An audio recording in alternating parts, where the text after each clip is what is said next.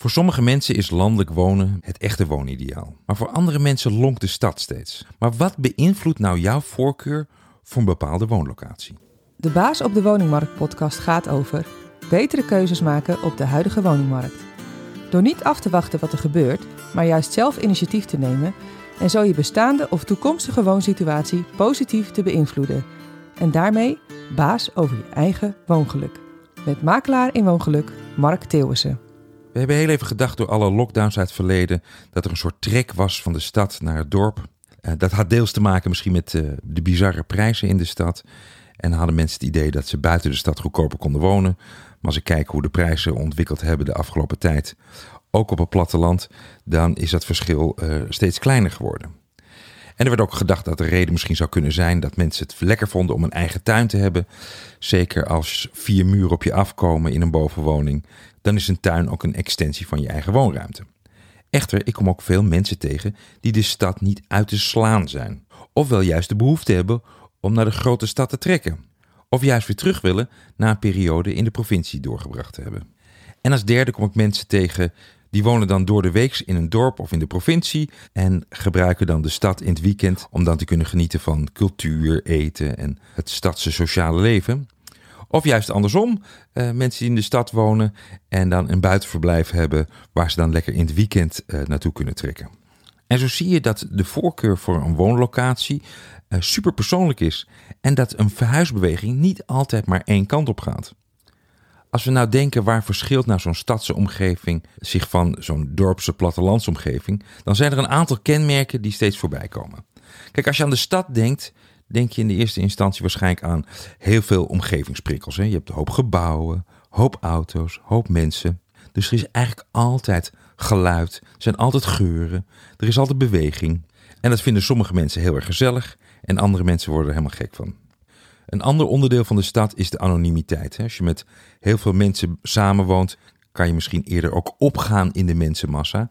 En dan voel je je wellicht ook minder snel bekeken of bekritiseerd. Maar het kan ook heel erg afstandelijk voelen, zeker in de openbare ruimte, waarbij mensen misschien juist contact een beetje met elkaar mijden. En misschien wat uh, generaliserend, maar ik heb altijd het idee dat in de stad ik meer mensen zie die oordopjes op hebben, op hun telefoon aan het kijken zijn, naar de grond kijken terwijl ze door de stad heen lopen. En als je in een plattelandsomgeving bent, dat iedereen elkaar daar begroet en elkaar daar gedag zegt. En dan voelt zo'n stad misschien ook wat afstandelijker. Maar goed, sommige mensen vinden dat juist fijn. En het andere is natuurlijk dat in een stedelijke omgeving wat meer keuzevrijheid is. Hè. Dat zou kunnen zijn economisch, omdat er meer banen zijn. Er zijn meer scholen waar je uit kan kiezen. Zeker in vergelijking met een dorp waar je maar één basisschool hebt voor je kinderen. En het tweede alternatief in een half uur fietsen is. En is meer keuze uit cultuur. Verschillende soorten restaurantjes die er zijn. Theatermogelijkheden. Kortom, de stad heeft een bepaalde vorm van drukte, dynamiek, anonimiteit, uh, keuzes. Ja, en sommige mensen vinden dat heel erg fijn. En andere mensen kiezen juist voor de kenmerken die zo typisch bij een dorpse plattelandsomgeving horen. En het eerste waar je dan aan denkt is rust, ruimte, frisse lucht. En omdat je minder op elkaar zit, zijn er minder prikkels, waardoor mensen zich beter kunnen concentreren. En een gemoedelijk lager tempo, wat we sneller associëren bij een dorp of bij het platteland, kan natuurlijk heel erg fijn zijn, maar voor sommige mensen leidt dat meteen tot verveling of ligt verveling op de loer.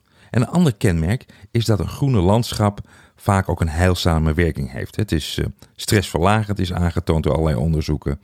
Uh, mensen op het platteland zullen meer fietsen, meer wandelen in plaats van een openbaar vervoer in te stappen of de tram te nemen. Mensen op het platteland of in een dorp zijn sneller buiten, uh, hebben een eigen tuin, kunnen tuinwerk doen, hebben daardoor meer fysieke inspanning. En zo zie je dat wonen in een groene omgeving vaak ook een hele heilzame werking kan hebben, zowel op je mentale als je fysieke gezondheid. En het feit dat je op het platteland misschien wat minder anoniem bent, kan aan de ene kant dus betekenen dat je meer onder de loep ligt. En dat kan voor sommige mensen juist heel beklemmend zijn.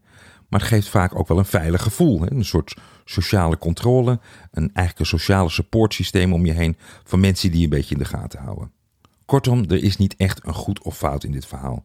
Wat voor de een de hemel is, zou voor een ander de hel kunnen zijn. Als we kijken hoe mensen zich bijvoorbeeld gehecht hebben aan een plek, dat noemen ze ook wel place attachment, dan zie je dus dat mensen verbonden zijn met een plek en dat die vaak hun voorkeur stuurt. En dat heeft ofwel te maken dat iemand een speciale band heeft met een bepaalde woonplek, ofwel dat die woonplek een speciale betekenis voor iemand heeft of juist in een bepaalde behoefte kan voorzien. En ik zie vaak drie factoren die die voorkeur voor een bepaalde plek beïnvloeden. En in de eerste instantie is dat je jeugd. En dan gaat het vooral om de herinneringen die je hebt. Heb je positieve herinneringen of juist negatieve herinneringen? En die neem je ook mee in je latere voorkeur. Ben je in de stad opgegroeid en heb je daar positieve herinneringen over gehouden? Bijvoorbeeld dat je altijd lekker bent gaan zwalken met vriendjes op straat.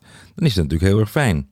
Maar negatief zou kunnen zijn dat je altijd afhankelijk was van je ouders om je naar een speeltuin te brengen, omdat het te druk op straat was. En kom je uit je dorp, dan is het hartstikke fijn dat je altijd veilig naar je vriendjes hebt kunnen wandelen of fietsen. En het negatieve zou kunnen zijn dat je iedere dag een uur in weer en wind naar school hebt moeten fietsen. Daar heb ik zelf ervaring mee. Kortom, je maakt positieve of negatieve associaties met je woonplek op basis van hoe je daar vroeger gewoond hebt. En wat je gewend bent, dat wordt dan ook je nieuwe referentiekader. Het is natuurlijk heel grappig, zo'n referentiekader, want wat jij gewend bent, is geen maatstaf voor een ander. Ik had een oom en die had ooit een vriendinnetje uit het centrum van Jakarta. En die werd gek van de stilte op een druk kruispunt in Amsterdam. Het is maar net wat je gewend bent. De tweede factor die invloed heeft op je voorkeur is je levensfase. Als je jong bent of je hebt jonge driften, dan is die stad super aantrekkelijk. Hè? Alle uitgaansmogelijkheden die je hebt. Thais eten, Koreaans eten, Libanees eten. Al die exotische restaurants die je sneller in de stad vindt dan in het buitengebied. En in de stad is alles wellicht op de fiets bereikbaar. En je hebt helemaal geen zin in tuinonderhoud of te moeten grasmaaien. Daar heb je niet eens tijd voor. Je wil lekker uitgaan, sociale contacten aangaan. En dan is een balkon wellicht voldoende. En daar drink je dan je kopje koffie. En als je meer vertier zoekt, dan ga je wel naar een van de restaurantjes of uitgaansgelegenheden in de stad. Maar als je wat ouder bent en een gezin hebt opgestart, of in ieder geval de wens daartoe hebt, dan heb je wellicht behoefte om juist weg te gaan van de hectiek. Dan zoek je juist de rust. Dan wil je een eigen domein hebben waar je je veilig in terug kan trekken. En als je kinderen hebt, is het hebben van een tuin natuurlijk een hele fijne plek, want daar kan je ze veilig laten spelen en kan je ze meteen in de gaten houden. En je kan ze zelfstandig op de fiets naar school laten gaan zonder je druk te hoeven maken over ultradruk verkeer. Of je hebt gewoon geen zin meer om iedere keer een half uur naar een parkeerplaats te lopen zoeken met zware boodschappentassen. En dan snap ik wel dat er tegenwoordig allemaal bedrijven zijn die je boodschappen thuis kunnen afleveren. Maar dat parkeren, dat blijft natuurlijk lastig in die stad. Of je hebt een hond, dan is er niks lekkerders dan vrij te wandelen in de bossen of de hei.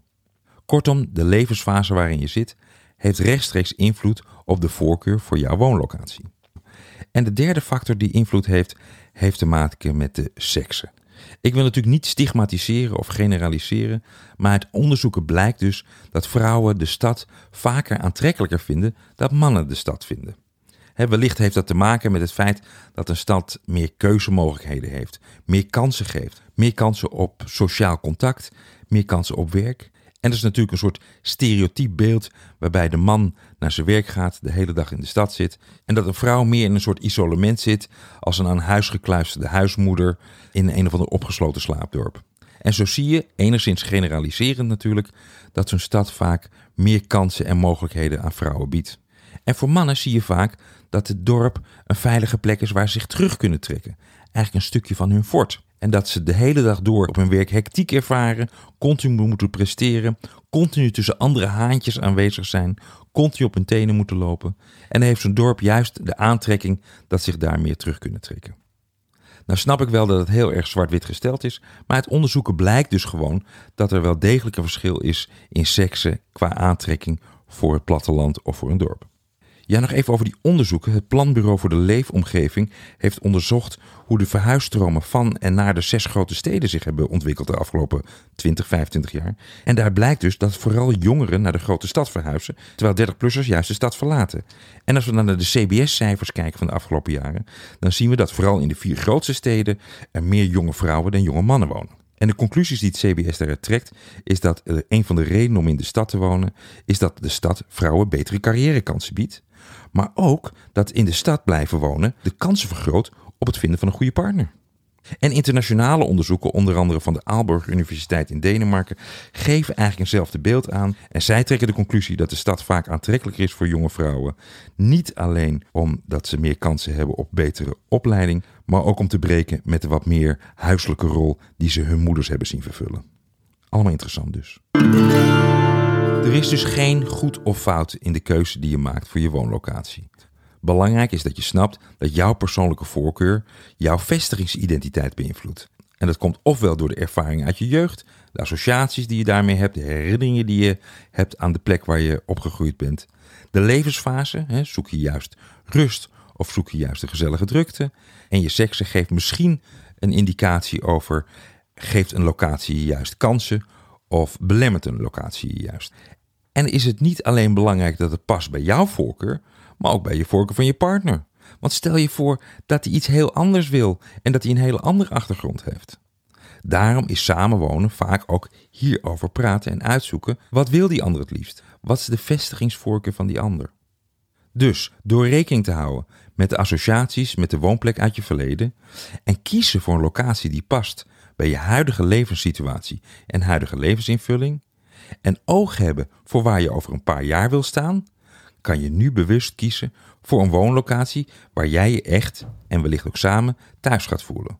Ofwel als stadsmens, ofwel als provinciaal. En daarmee sleutel je aan een prettige woonomgeving en het vergroten van je woonperspectief. En zo word jij baas over je eigen woongeluk. Even tussendoor. Waarom mannen een huis vaak als een fort zien en vrouwen als een nest, en zo ook over een woonplek praten, ik noem dat fort- en nesttaal, is wellicht een mooi onderwerp voor een toekomstige podcastaflevering. Abonneer je dan op deze podcast en geef het een 5-star review op Apple of Spotify, zodat je uiteindelijk die aflevering ook niet hoeft te missen.